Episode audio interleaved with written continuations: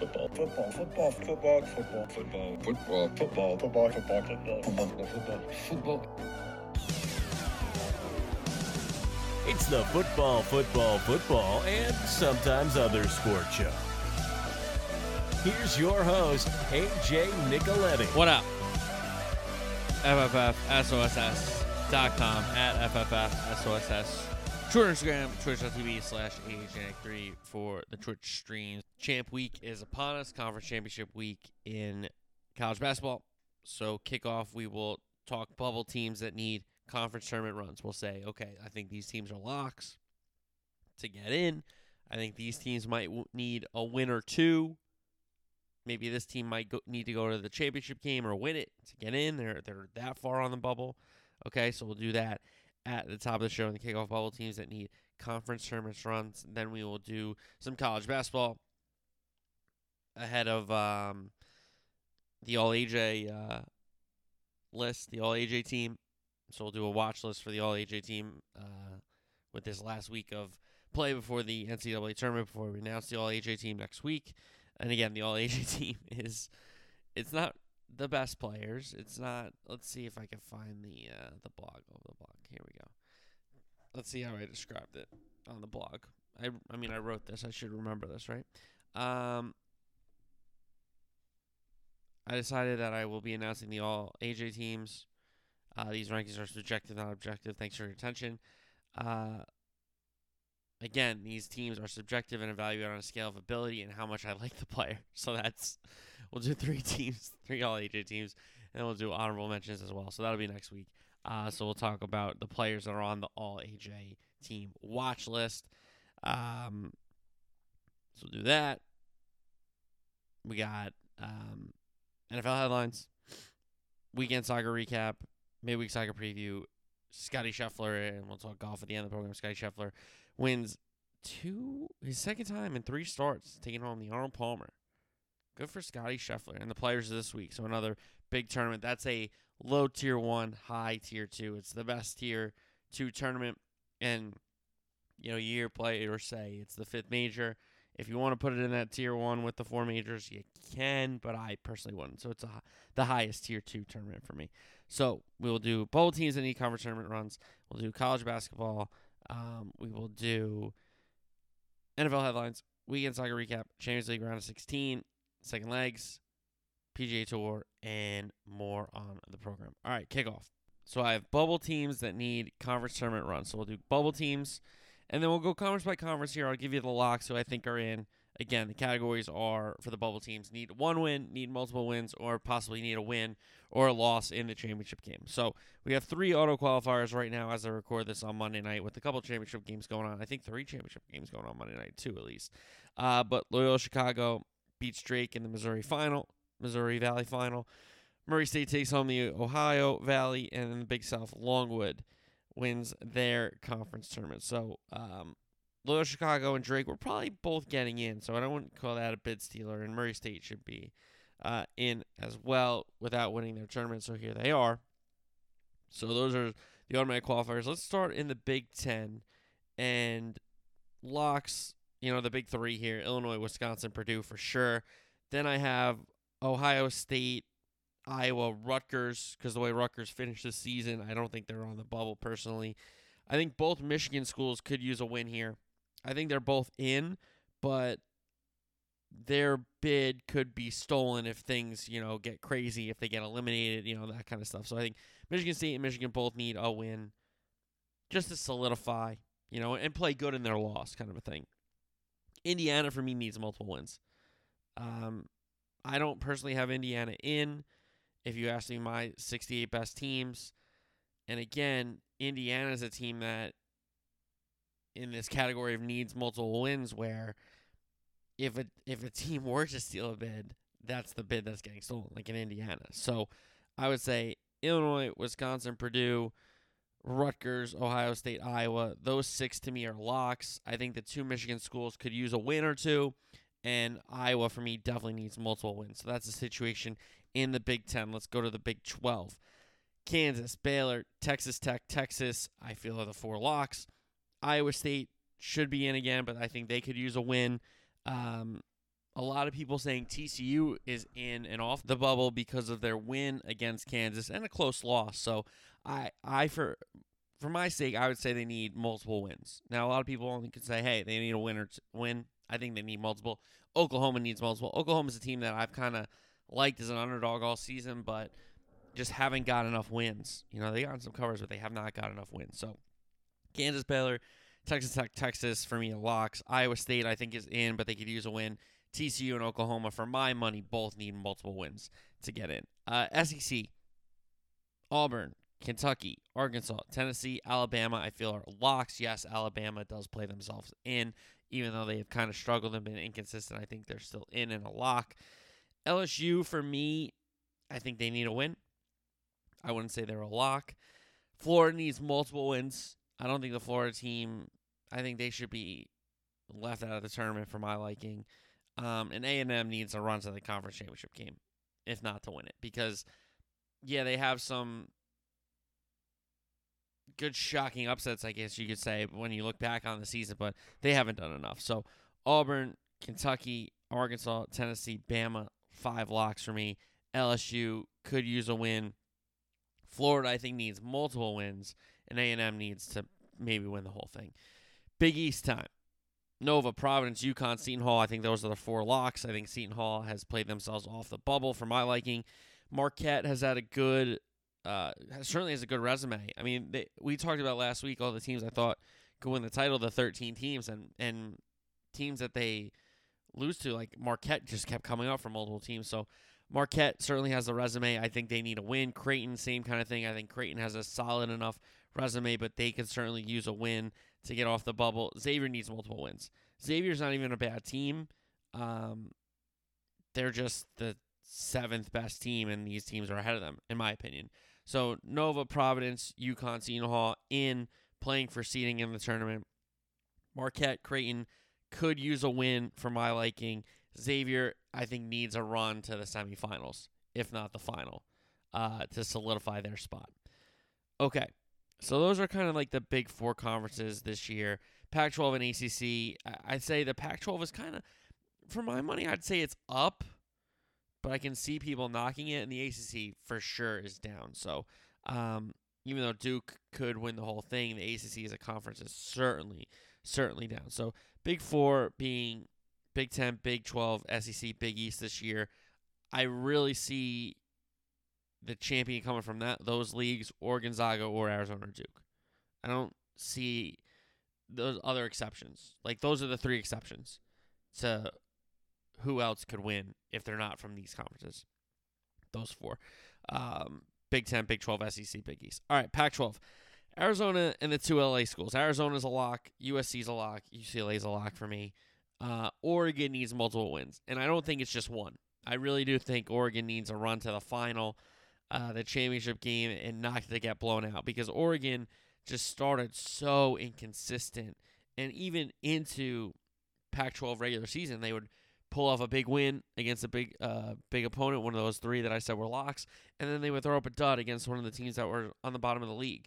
So very, very up and down, inconsistent season for the Ducks can be erased if they make a run here. Uh, where is it in Vegas? The Pac-12 tournament. I'm pretty sure it's in Vegas. It's usually in Vegas. So can they make a run in Vegas? Arizona, USC, UCLA have done enough. Body of work certainly Arizona. I mean, they're fighting for one seed, but USC, UCLA, the two LA schools have certainly done enough to get themselves locks in the field. Oregon needs multiple wins, multiple wins to um, make sure they're in the field of 68 and their bubble isn't burst. All right, ACC. Duke is a lock. Then I think a lot of schools need to do some work. Now, the level of severity of how much work certainly goes down by each school, but I think there's some work to be done by these bubble teams in the ACC. Duke is a lock, even though UNC ruined Coach K night the other night, which was very sad to watch, to be honest as like a Duke supporter and Duke fan. Uh, so that was disappointing. But I'll say this. UNC still needs a win for me in this tournament. I don't think they're automatically in. Wake still needs a win. Notre Dame still needs a win. I like Notre Dame. I think Notre Dame could beat uh, two teams on that first weekend and find themselves in the Sweet 16 because they shoot and they don't play – the best defense, but they can defend possession to possession for Bray down the stretch of a game. They play for him, even though my reputation of Bray and, and our relationship has gone back and forth the last five, six, seven, eight, nine years. but I would say UNC, Wake, Notre Dame at least need one win to solidify their place. UNC, if they lose, they should still be in, but one win would really help them. Miami and Virginia Tech, for my money, need multiple wins. They need to upset one of those teams ahead of them and maybe take their spot. You know, I, I don't know how many teams this committee's taken from a down ACC. I really don't know. So if you're a Miami or Virginia Tech, you might have to take Wake spot, Notre Dame spot, UNC's spot by beating them and getting to the championship game or something along those lines. But Duke, lock for sure. UNC, I think, is in, could use a win. Wake, uh, with Williams, great player they should probably still be in, but I think they could use a win. And same thing with Notre Dame. Notre Dame, I think, has been the second best team in that league consistently all year, for my liking. Even though I think Carolina is more talented, I, I like that Notre Dame squad, but they still could use a win. Miami, Virginia Tech, I think those teams, if they want to get in, they got to take UNC Wake or Notre Dame's bid. I don't think this committee is going to take six teams from the ACC this year. I really don't. I, I don't see that happening. I really think it could be capped at four because this is not a good year for the ACC. It's a down year. I mean, there's no doubt about it. So, um, for my liking, Duke is a lock. UNC, Wake, Notre Dame could use a win. Miami, Virginia Tech, they need multiple wins. All right, non power six. Gonzaga, St. Mary's, Houston, Colorado State, Boise State, locks. I would say Memphis, even after that great game against Houston, credit to them. They could use a win. Uh, Davidson, San Diego State. Listen, San Francisco's got a tough task with Gonzaga, but I think they should probably be in unless something chaotic happens with some, with some of these other leagues. That's what you really got to worry about in the bubble. Like you could be playing good ball and, and unfortunately get bounced in your conference tournament and beat in the tournament, and then something like Oregon State happens last year. You know where, hey, the Pac-12 didn't account for this team winning. That's an extra spot to the Pac-12 you know, how that takes away a bit from a bubble team, right? So Memphis, Davidson, San Diego State, San Francisco could use a win. So these are some teams that could use multiple wins. SMU, uh, Wyoming, North Texas, BYU, VCU, Dayton, and South Dakota State. I've been checking out a lot of different bracketologies. So um, between Lunardi and DeCourcy and a lot of other guys, that's where I'm getting this information from. So um, so let me see how many locks I have. 1, 2, 3, 4, 5, 6, 7, 8, 9, 10, 11, 12, 13, 14, 15, 16, 17, 18, 19, 20, 21, 23, 24, All right, 20, like 30 locks right now. 30 locks right now with a ton of bids certainly available. Sorry for the Francesa account, and I'm not editing that out because that's good radio. Um, so, yeah, so bubble teams that need conference tournament runs, I think there's a lot of them. And again, these are they're going to be kind of stealing from each other, especially in the same conference like the ACC. Because I'm telling you guys, the committee's not going to look at the ACC and be like, you know what? We should take six teams from the ACC. No, no, no. That's not happening this year. And if it does, I'd be shocked. You know, uh, the Pac 12, they don't necessarily just have to take Oregon. You know, they could just take three teams. So you know, there's a lot of teams here that are sitting on this bubble. Like, okay, we need to win some games, but we also need some luck from some other teams. And the best thing about some of these games is you're playing against some schools that are on the bubble as well. So burst theirs and make yours a little bigger. You know, that's that's all that's a part of these conference tournaments, guys, this week. You know, like these, you know, Wednesday, Thursday, Friday games of these you know, Saturday, Sunday night championship game. Like these second round quarterfinal, like these are eliminator games for the bubble. And it's exciting, and that's what makes conference championship week so exciting. And uh, you know, the drama and the buildup and the repercussions of, you know, a kid making a shot here and a kid missing a shot there. You know, that could flip seasons around. That could change a whole tournament. So, um, plenty of teams that could use multiple wins, plenty of teams that could use just a win or two, and plenty of locks as we get ready for this conference championship uh, tournament week. Very exciting. All right, uh, college basketball, some games I want to look back on. Michigan State, Ohio State. Ohio State keeps Michigan State at arm's length. That was a great, great game by Ohio State. Give them some credit for that one. And then Iowa beat down Michigan. This was Thursday night games. Shout out to Jaspers. Beat Iona. I was there Thursday night. Draddy was rocking. Great place to watch a college basketball game in that air hangar of a gym. Shout out the alma mater. Arkansas, Tennessee. Listen, Arkansas had no business covering this game and coming back in this game, but Tennessee let them back in the game, and Arkansas just couldn't get a lead uh, to get the full comeback. Tennessee wins on senior day, but they should be scared of how they play in that second half. Inexcusable basketball from a Barnes crew. And that's why I won't f- pick them to get to the second weekend unless it's very favorable. You know, I just don't like that Tennessee team. I don't like their makeup. I haven't liked their makeup, and I don't like the coach. He's a good coach, but he's not a winner. It's not. It's not a winner, unfortunately. Purdue knocked off Indiana in their rivalry, so a big win there for Purdue. Kansas needed overtime to pull away from Texas, but ended up doing it. Baylor first half controls their matchup against Iowa State. UNC ruined Coach K's last home game, and I could go into um, Coach K after the game. I could go into the whole handshake thing and all these things. Like, listen, they got beat by a team that was hungry and wanted to play spoiler. Uh, that's why you don't schedule your biggest rival for senior night, and you certainly don't schedule your biggest rival to send your like your best coach off ever. That's just bad scheduling, and it's just a bad idea. and also, like, how many people just ruin senior days? Like, you know, Wisconsin. we to get to Wisconsin in a second. Wisconsin got their senior day ruined after they had that huge celebration with the Hepburn shot, you know. So, UNC ruins Coach K's last home game with their big win over Duke. Battle of LA, UCLA fights, plays 40 minutes, wins a ball game. Good for them. And USC played tough, so give uh, Enfield's crew credit. But Cronin's guys, the Bruins, that's a big win for them. Big win for UCLA.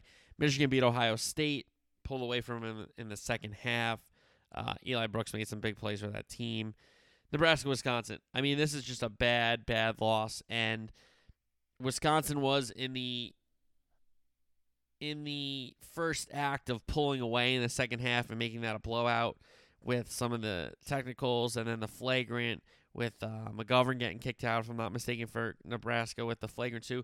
But he injured Johnny Davis, and Johnny Davis goes down, and it just showed you you know, what we've been talking about with Wisconsin all year. Well, without Johnny Davis, they're not really a great team. And, you know, Wahl and Davison and Hepburn and Crowl and some of these other guys, they play well off Johnny Davis, but they don't, they just can't be them on the floor, right? And that kind of proved what happened in that second half because they were on their way to pulling away. They should have still pulled away, but not only do they let Nebraska back in the game, Nebraska ends up winning the game and ruining senior day. So, hey, give Fred Hoiberg's crew credit. You know, with a couple of their leading scorers out, they find a way to win a game in the Kohl Center. Tough place to play. We know that. Uh, Iowa, Illinois. What a game this was. So Illinois had a chance to become co Big Ten regular season champs and get the one seed over Wisconsin if they beat Iowa. They handled it. And listen, Iowa was, I want to say, in control of that first half. Illinois played better uh, um, last, like at the under eight of the first half. They take a lead in the second half. They they're close to not breaking it open, but making it 9, 11, 13. You know, like you, you go on that run and you put a team away. Well, they got up six. I don't think it ever went to seven, if I'm not mistaken, because Iowa hung around, hung around, made some shots. I, uh, if I'm not if I'm remembering this correctly, and I did watch the whole game because it was one pick. Murray had three free throws to take the lead and missed all three, if I'm not mistaken. So, uh, bad free throw shooting from Iowa. Dooms McCaffery's Hawkeyes on the road in Champaign. And the Illini Underwood's crew find a way to be co Big Ten champs. Um, you know, and this after Purdue kind of was I don't want to say the best team all year, but you know they were a one at one point, right? So number one overall at one point. So all right, um, not really. You know there are games to look forward to this week, but with the brackets out, I you know I want to go through all of them. You know, so we'll do a early round recap and kind of see how I think those tournaments play out the rest of the way on Thursday. Okay, so we'll do that. Um, but I got the All AJ watch list here, the All AJ team watch list, and it's in no particular order. This is just the ramblings of a madman, as you know. Um, there is some order to the show and organization to the show when I write it out, but sometimes when I make these lists, I just you know write some names down. So this is in no particular order. This has no, and again, Players could wow me this week. Players could get removed from this list. Players could get added to this list. Uh, a person on this watch list could be, you know, a, a, guy that ends up on the second team, first team, maybe, if they have a big week and impress me, and all of a sudden I like them, right? Uh, but you're usually not going to find a lot of Iowa guys. You're not going to find Tennessee guys. Um, you're usually not going to find Carolina guys. uh, but yeah, so let's go through it. So Arizona, I have the two, the tandem. Tavares and Mathurin. You know, Kerr Kriisa, you could. I'll put him on the watch list. I don't think he's on the teams, but I'll put him on the watch list. Gonzaga gets the two bigs, Timme and Holmgren, outstanding. I think I think it's gonna be hard to split them up. So we'll see how I break down the big men. Paolo Banchero from Duke, outstanding. Wendell Moore could have been a third or fourth teamer, but I didn't put him on the watch list here. Auburn, I like Smith. I think he's outstanding. I can't really separate the guards, uh, so I just put Kessler. Illinois put the big four there, and you know I love Curbelo, even though people are going to knock me for loving Curbelo. Curbelo, Frazier, Cockburn, and Plummer I put there for Illinois. So then I put the big four from Purdue, which is Ivey, uh, Edey, Williams, Stefanovic, Wisconsin. I put Davis and Davidson. Kentucky. Tshiebwe might be the player of the year, and he's. I'll tell you right now, guys. I think he's going to be on the All AJ for, uh, team first, first team I'll be honest with you. I think that's what's going to happen with Tshiebwe because I think he's my player of the year. Baylor, Kinjo, Kansas, Agbaji, Arkansas, Notae, Jalen Williams, and then uh, Davis, the guy who comes off the bench, Devontae Davis, who probably won't make the team, but I think will be an honorable mention. Providence, Reeves, Durham, but I think Bynum and Watson probably make the teams, to be honest with you. Nova, I have Collin Gillespie, Moore, Samuels, Daniels does not make the list this year. Uh, Dixon, I don't, I don't think makes it either. Neither Slater. Uh, USC, I got to throw my guy Mobley on that list. His brother made it last year, so I think he should make it this year, in my opinion. And it's my list, and it's it's my team, so I can do whatever I want. So if you're arguing with me, and if you're saying why isn't this player here, why isn't that player, well, you can't argue with me because it's my list and it's my categories, and I made it up. So there, it's the All AJ team. It isn't the all whatever your name is team. If you want to make it all whatever your name is team, go right ahead. Be my guest. It's fun. It's really stupid, but it's fun. So that's why I did it. Um, so I have Mobley from USC. Got to go crosstown. I did Tiger Campbell, Juzang, and Jaquez for UCLA. And then I got three guys from UConn Cole, Martin, Jackson. I do like Polley. I do like Whaley. I do like Sanogo. But I love the three guards from UConn and Jackson has really impressed me this year. I think he's grown uh, tremendously, tremendously. So that is the list of um, the watch list for the All AJ team. That will be announced probably Tuesday, next Tuesday, a week from now. I'll probably do that. Um, yeah, we'll do bracket reaction. We'll do all AJ team, all that kind of stuff, and then we'll do on Thursday. We'll do picks. Yeah, yeah, yeah that makes sense that makes sense as I as I figure out what we're gonna do the all the kickoffs on over the next shows. Okay. Um all right, college basketball now to NFL headlines. Let's talk some NFL headlines and we gotta start with maybe the story that might have broken Twitter today. Calvin Ridley is suspended a entire season by the NFL and the Atlanta Falcons for betting, gambling on the games. Yeah, so this story might have broken Twitter. Um, Calvin Ridley, who was out most of last season, whether it was stepping away from mental health issues or being injured, he was out for most of the season, um, as I can recall. So, him betting on the games is a big deal. Let me explain why and why the NFL suspended him a year. Because the NFL, if you haven't noticed, is in bed with the gambling companies. So, the fact that they have a player actively betting on the games and betting on the Falcons and having these three leg, five leg, eight leg parlays, which is being reported. He tweets out that he only bet fifteen hundred, so you have to figure three five hundred dollar parlays or whatever, however he did it. But if he's telling the truth about how much he bet, by the way, who knows if he's lying? So the NFL has to suspend him a year because one, they're in bed with the gambling committee uh, companies, and two they have to set a precedent that this is unacceptable. The money and him betting on his team or against his team is irrelevant in the moment.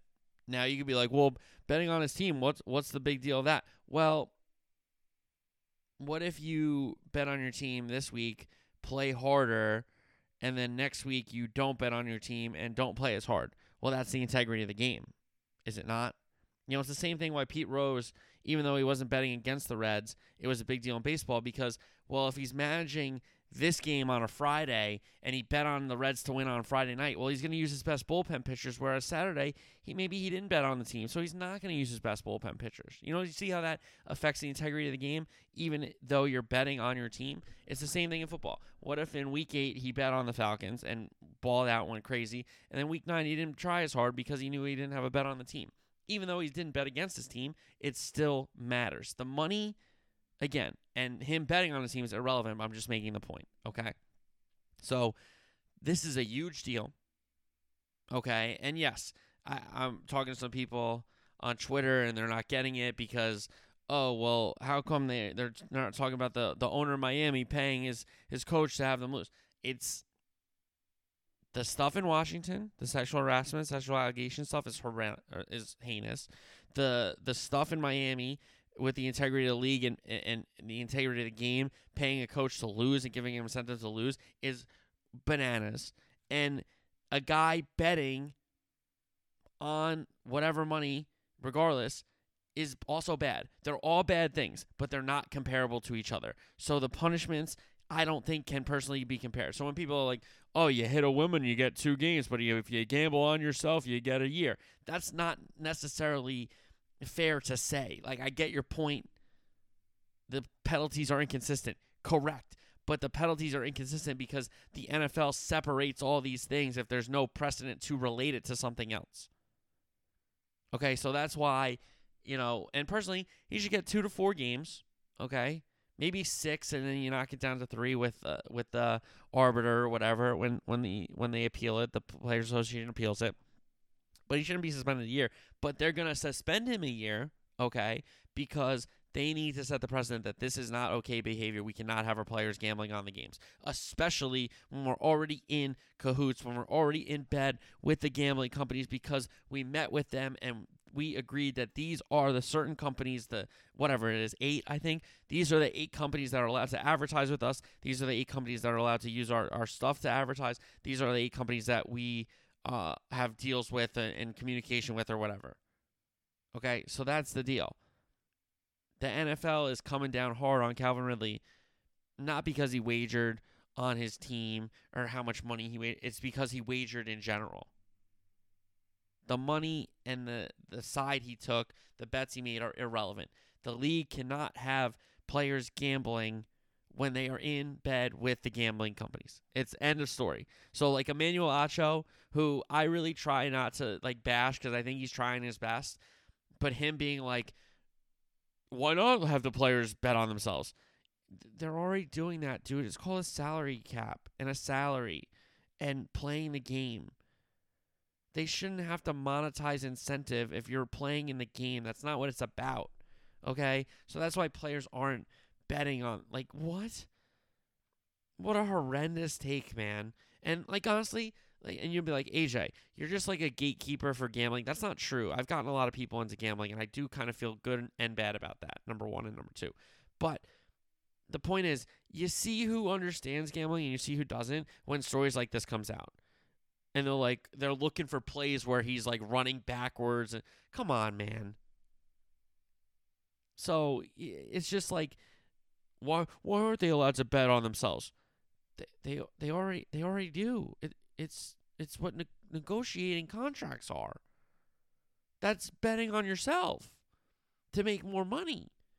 You don't then take that money and then literally bet on yourself with a wager at a gambling casino or company. That's not how it works. That's not allowed. That's not in good faith or the integrity of the game. Okay, so you know, I, I just oh, it's a lot because I love gambling. I think it's great if you do it in, in moderation and you understand that you're not supposed to win all the time. And if you wager money, just think you already lost it. And if you win, it's a great feeling. Okay, the point is to not be like uh, uh make a million dollars overnight. That's impossible. And anyone that tells you that they can give you seven winners in a row and you just keep building it, that's impossible and that's a scam. And it's people who sell their picks, and I'll never sell picks unless I get paid to sell picks. Then that's another conversation. But as long as I'm doing this, one pick will be free. Okay? The pick six will be free. Soraya Pulox will be free. Right? Because that's not what it's about. I just want to have some fun making picks. Okay? But back to Calvin Ridley here. It's important the league steps in and sets this precedent about this is unacceptable behavior from our players. Now, how they do that, personally, I would have said, hey, eight games, knock it down to four, we're fine.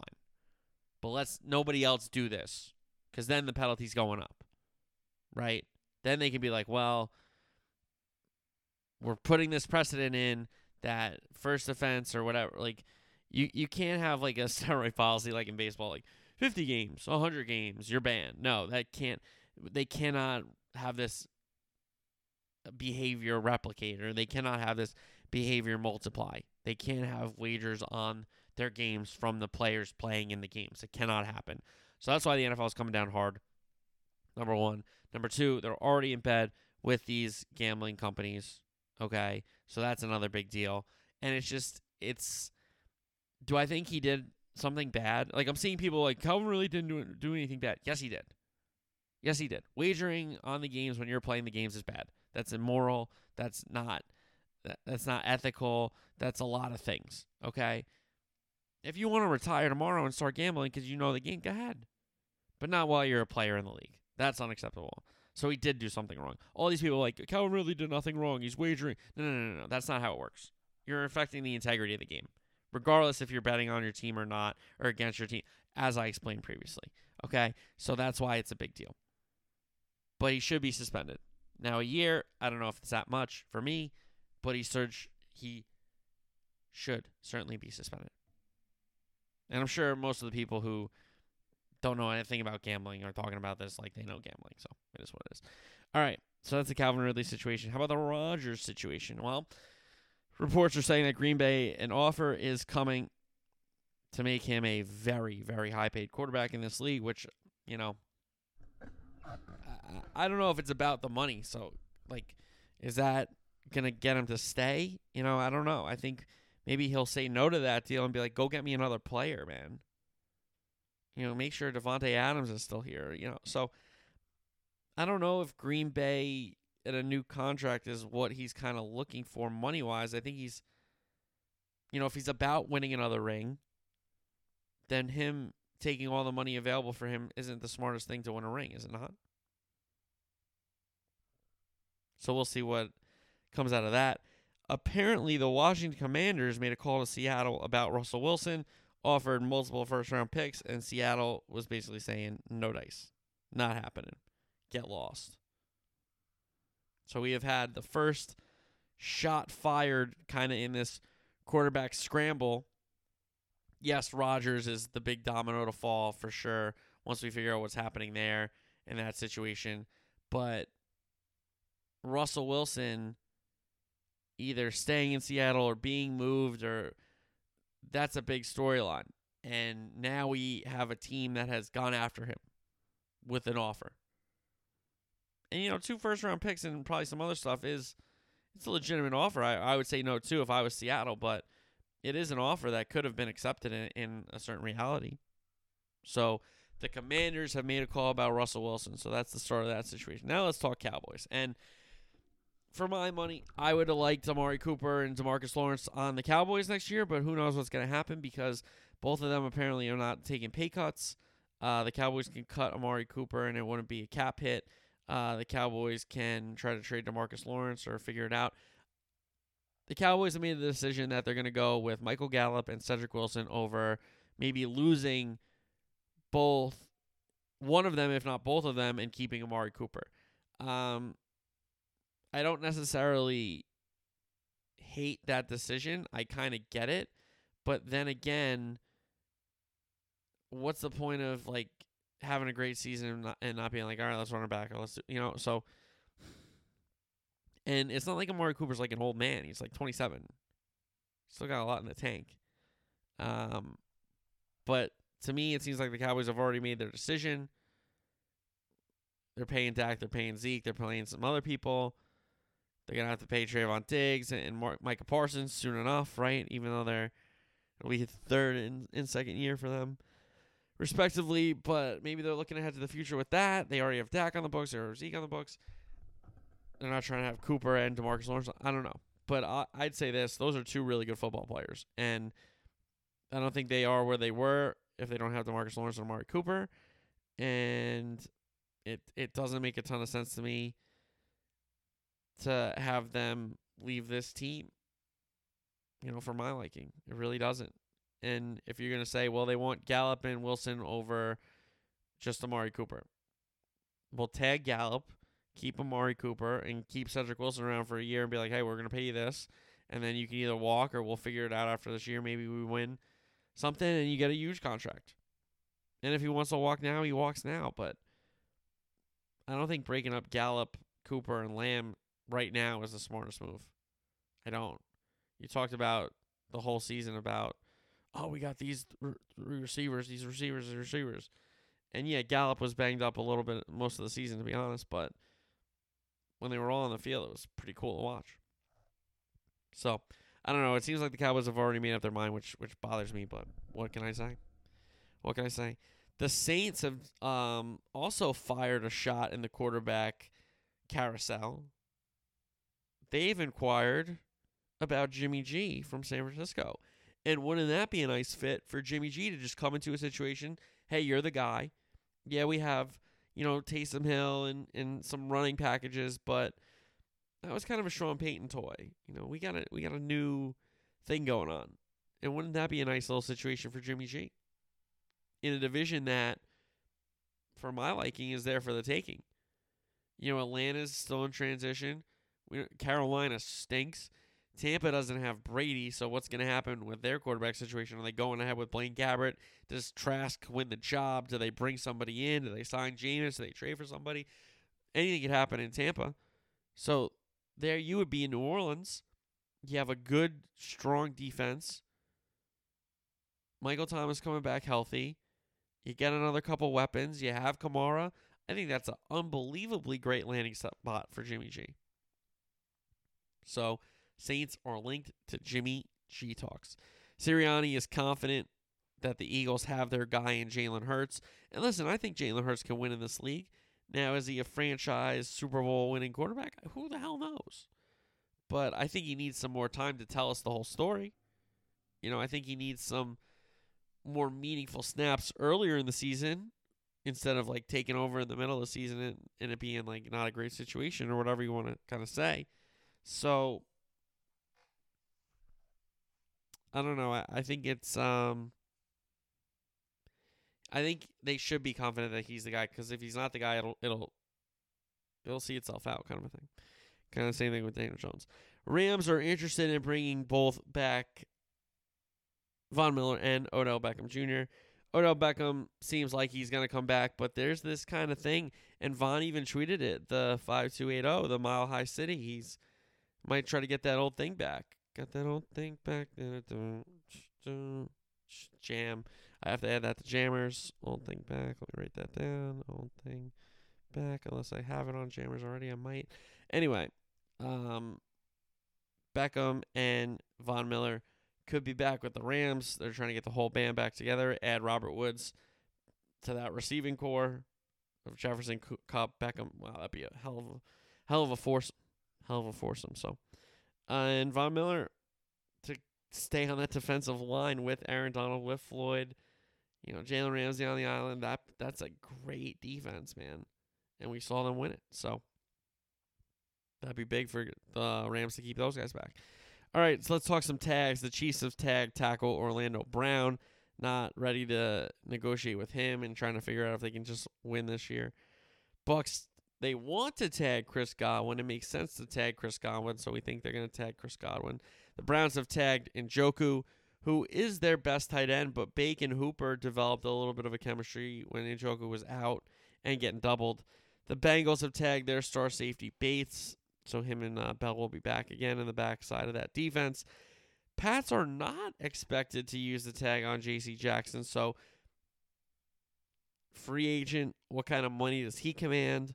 on the open market? Can the Patriots re-sign him if he's not going to get tagged? Big news there for New England because J.C. Jackson, for my money, might have been their best player all season on their 53. He was great, Mr. INT. Uh, stay in the AFC East. Cole Beasley is seeing a trade from the Bills. The Bills have given him permission to seek a trade, and I guess that's you know, Emmanuel Sanders didn't have a great uh, season. He was banged up.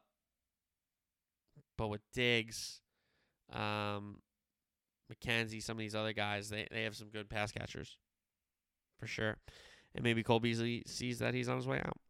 All right, let's do a weekend soccer recap. Jesse Marsch's first game for Leeds. If you look at expected goals, and I think it's an interesting stat, and again, analytics – I don't think tells a whole story. If it tells part of the story or helps, okay. But I just hate that people use it as you know the Bible. But if you use expected goals, Leeds should have beat Leicester City going away in Jesse Marsch's first game. But they did not take any of their chances. They did not finish. They did not get a goal. And instead, Leicester City get a goal. It's Harvey Barnes again. So he's been in goal scoring form for the Foxes. And Brendan Rodgers' side, Leicester City take the three points 1 0 against Leeds. Villa and Southampton, two sides that have been playing better. Villa take it to them 4 0. Ollie Watkins, Douglas Luiz, Philippe Coutinho, and Danny Ings, the goal scorers for Aston Villa. Burnley and Chelsea at Turf Moor. It was nil nil at the half, but four Chelsea second half goals Barry, Burnley and Sean Dyche's crew at home. Reece got the opener, Kai Havertz with two, and Christian Pulisic the cherry on top of the Chelsea victory. Newcastle and Brighton. Newcastle, one of the hotter teams in the Prem, unbeaten in their last eight, five wins, three draws. They get another win, two one over Brighton. Fraser and Schär opening uh, a two 0 lead for Newcastle. And Dunk pulled one back for Brighton, but they uh, could not find the equalizer. Norwich, Brentford, Brentford a Toney hat trick, two penalties included. The goal for Norwich was a Pukki PK. Wolves at Crystal Palace. Crystal Palace win it 2 0. Mateta scoring again. Zaha from the spot gave Crystal Palace the two points, uh, three points, sorry, over Wolves. Liverpool and West Ham. Liverpool looking for vengeance against West Ham, who beat them 3 2 at the London Stadium. Weird game, some bad calls here and there. We'll leave it at that. But Liverpool do get some mentions. It was a Trent Alexander Arnold cross. It was a Sadio Mane finish. And West Ham did have chances. Liverpool did not kill the game off by getting a second and left themselves open, but they keep the clean sheet. Alisson with some big saves. Uh, Trent Alexander Arnold with the goal line clearance and some other big plays defensively uh, from that back line and midfield on Antonio and Fornals and Bowen and uh, that West Ham attack. Liverpool won it 1 0. No. Watford Arsenal. Arsenal win 3 2. Odegaard, great goal to open up the scoring. Hernandez, a golazo equalizer. Uh, but then Saka takes the ball away, finds the pass, gets the ball back, and finishes. And then Lacazette, great hold up play. Leaves it for Martinelli, an absolute um, uh, curler, a, a brilliant strike.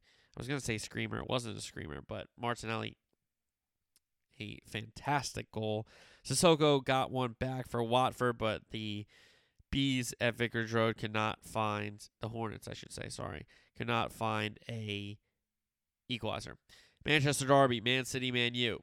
It didn't take City long. It was Kevin De Bruyne to open up the scoring, but United responded. They get a goal from Jadon Sancho, but then it was City's match. Horrendous defending from City second. Harry Maguire has a chance to just play the ball out for a corner kick. He lets it run through his legs right to a City player. It was Kevin De Bruyne, and he scores. So that gave City the 2 1 lead. And Riyad Mahrez gets City's third and fourth. Um, an embarrassing performance from United again. The last 25 minutes, they played. Uh, soft and didn't have really a touch of the ball. Ronaldo missing from the lineup. He said that he had a hip flexor. United also did not have Cavani, so they were missing a striker what did he play? Four five one, kind of. I don't know what he played, but it was a disaster for Ralf Rangnick and City continue their winning ways. Tottenham Everton on Monday. Listen, when Conte's guys want to play and they want to take it to a team, they can. They've shown that. Um, and they thrash Everton and Frank Lampard. Tottenham win 5 0. An own goal got them started. Then it was Heung-min Son. Then it was Harry Kane. Then it was Reguilon. And then it was Harry Kane. So 5 0 Tottenham. La Liga. Sevilla and CD Alves played a 0 0 draw. Real Madrid beat Real Sociedad 4 1. Camavinga, Modric, Benzema, and Asensio scoring for Los Blancos. Barcelona win again. They beat Elche 2 1. Torres and Depay from the spot were Barca's goal scorers. Real Batista Atletico. Atletico win 3 1. João Félix Brace Lemar had the other Atletico goal. Serie A, Inter, and Salernitana Calcio. Inter went a 5 0. A Lautaro Martinez hat trick. Dzeko had the other two for the Norinese in their win. Roma Atalanta. Roma win at 1 0. Tammy Abraham with the game's lone goal. Red cards for both teams towards the end of the match there. Uh, Mourinho always makes it exciting, I'll say that. Juve and Spezia Calcio. Juve win at 1 0. Morata the goal scorer, the match winner there. It was revealed uh, Allegri came out and said that Weston McKennie's season is over, unfortunately. Uh, so that sucks for Weston. Napoli and Milan. Milan went at 1 0 with Olivier Giroud, his goal being the match winner, and Milan go top of the table in Italy. Bundesliga, Munich and Leverkusen finished 1 1. Sule, a goal for Munich and an own goal um, against Munich, gave Leverkusen the equalizer. Mainz and Dortmund was postponed. Ligue and PSG lose to Nice 1 0. So PSG not uh, getting a goal headed into their big Champions League second leg match with Real Madrid. Let's get into Champions League round of 16, second leg right now. Reminder the away goal, uh, goals rule is gone, the away goals rule is abolished. So it's just total goals now over the two legs if there's, you know, a tie and stuff like that. All right. Um, so matches this week: Liverpool, Inter, Bayern, Salzburg, Real Madrid, PSG, Man City, Sporting. Let's start with Liverpool and Inter. Liverpool won the first leg, goals from Bobby Firmino and Mo Salah in the second half, where Liverpool mainly dominated the game. Inter picked it up. Inter had some better play. Calhanoglu hit the crossbar, if I'm not mistaken. Then Liverpool got their goals, and uh, settled the ma- the match there that first leg. Barella is still suspended from his red card offense in the group stage. Inter scoring five goals over the weekend was good, but they step up in class and they go to a um, a European fortress for Jurgen Klopp and Anfield, and uh, they run into a team in Liverpool that is playing really really good football at the moment. If Liverpool uh, play their mat, play their game, uh, identify with the high line when they can go, uh, get inter and offside traps, and not allow them to go in on Alisson and build any of that um, kind of interplay through the midfield. You know, Brozovic and, and Vidal and, and, some of those guys in the midfield getting it up to a Lautaro or a Dzeko. They got Dumfries on a wing. They probably got Perisic on the other wing. They can win headers against De and Skinner, in my opinion. Um, but this is a really good match. I think I think Inter can come to play if they can nick a goal early. They can make it really interesting. But to me, this Liverpool side is destined for great things this season, and I think they find a way to keep Inter at bay at Anfield, and they find a way to win the tie and advance to the quarterfinal. Munich and Salzburg first leg was 1-1, a Kingsley Coman late equalizer gave Munich a result in Austria. Austria and Salzburg here trying to get into um, the quarterfinal. They haven't been there in a while, the team from Austria. Munich, we know how talented they are, we know the weapons they have, but Nagelsmann has to pick the right 11 for the occasion. You know, Aaronson caused them some problems on the counterattack going forward. So Bayern's balance of okay, are we going to just go heavy offense and an offensive midfield and not have you know multiple holding players or guys that can help a back line? What what's their wing back? Uh, what's their fullback situation? You know, so I think Munich will certainly take what they learned from that first matchup that they had to struggle to get a goal that they couldn't uh, finish and, and what they did to Lewandowski. So I expect them at the Allianz to come out, get a goal early, and put this tie away. The longer this goes on, the longer Salzburg can nick a winner and, and find their way through to the next round. So, as long as Salzburg stays in the game, they can certainly win it and advance. But I expect Munich to come out because that can happen and try to get goals early and often in this one. Okay, so those are Tuesday's matches. Let's go to Wednesday's matches. Real Madrid and PSG at the Bernabeu. PSG won the first leg 1 0. Messi's PK was saved by Courtois, if you remember, but Mbappe, Mbappe had a stoppage time winner. But for this match, Mbappe picked up a knock in training. He's doubtful to play in this uh, second leg.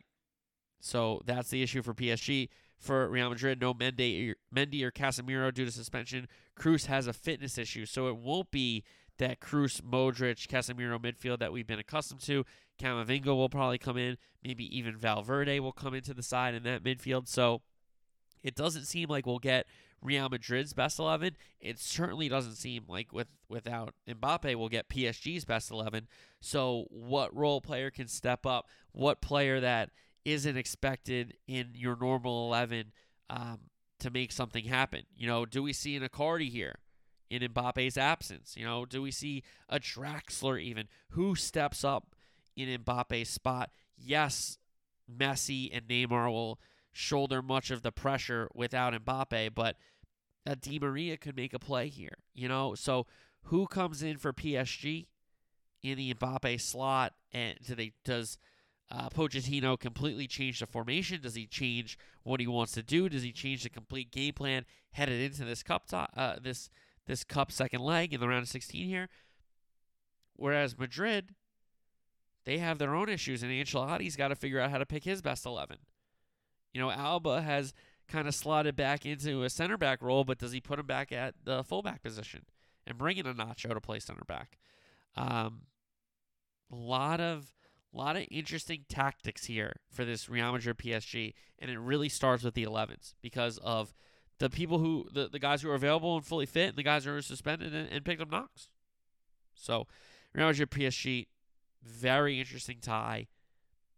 I think it could go either way. Obviously, it still can because you know again no away goal rules and all these kind of things. But if we get a Messi masterclass, wouldn't it be at the Bernabeu again? You know, just thinking, just thinking out loud. City Sporting. Um, this tie is over. I told you that going in when they picked the draw that you could just pencil City into the next round, into the quarterfinal. This tie is the most uh, one that's over of the whole round of 16. City put five past Sporting in Portugal, Mahrez, Silva, Foden, Silva, Sterling. Pep doesn't even have to play his best 11 in this one. There's no doubt about that. And they can still win comfortably in advance. Um, there's no way this gets turned around. Zero um, shot at the had that this gets turned around. So uh, you can, I would pen City to the next round for my liking. So that's our uh, first wave of second legs of the Champions League round of 16 matches Tuesday and Wednesday. Liverpool, Inter, Bayern, and Salzburg. Then on Wednesday, Real Madrid, PSG, Man City, and Sporting. And then we'll have four more matches next week as we get ready to close the book on the round of 16 and get the draw and get those matches and fixtures set for the quarterfinal. All right, enough soccer. Let's do some golf and get you out of here. Scotty Scheffler wins the Arnold Palmer Invitational, his second win in the last three starts. A guy who, you know, has been on that first page of leaderboard in majors, a guy that's been in contention, a guy that's won a Ryder Cup on this team, uh, on the U.S. team last year. So a guy that's played some big golf. Now he's finding out how to win in some tournaments that I would say are, hey, these aren't, you know, tournaments to sneeze at, right? So that's a big win. That will help him in the majors for sure. Now he knows how to win.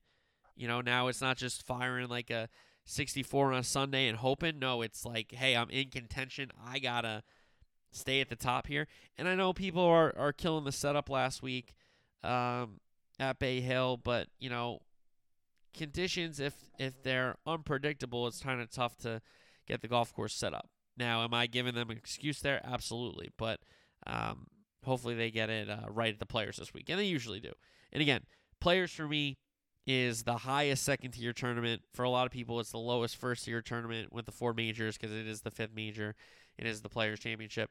Um, but I'll, uh, it's the number one second tier. I don't. I think the four majors have to be separate from all the other tournaments, in my opinion. You know, if you if you group them together as five, go right ahead.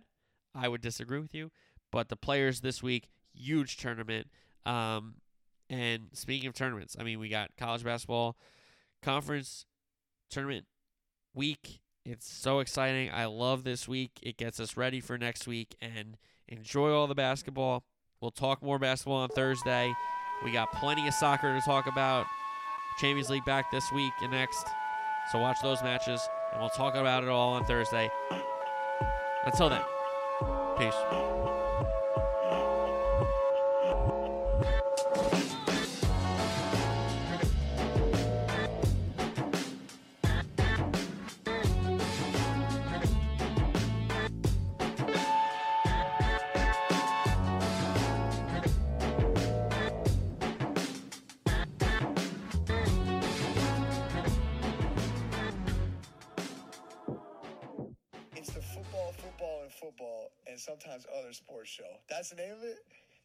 check out his podcast. That sounds like my kind of podcast. Football, football, football, and sometimes other sports show. Sounds like me.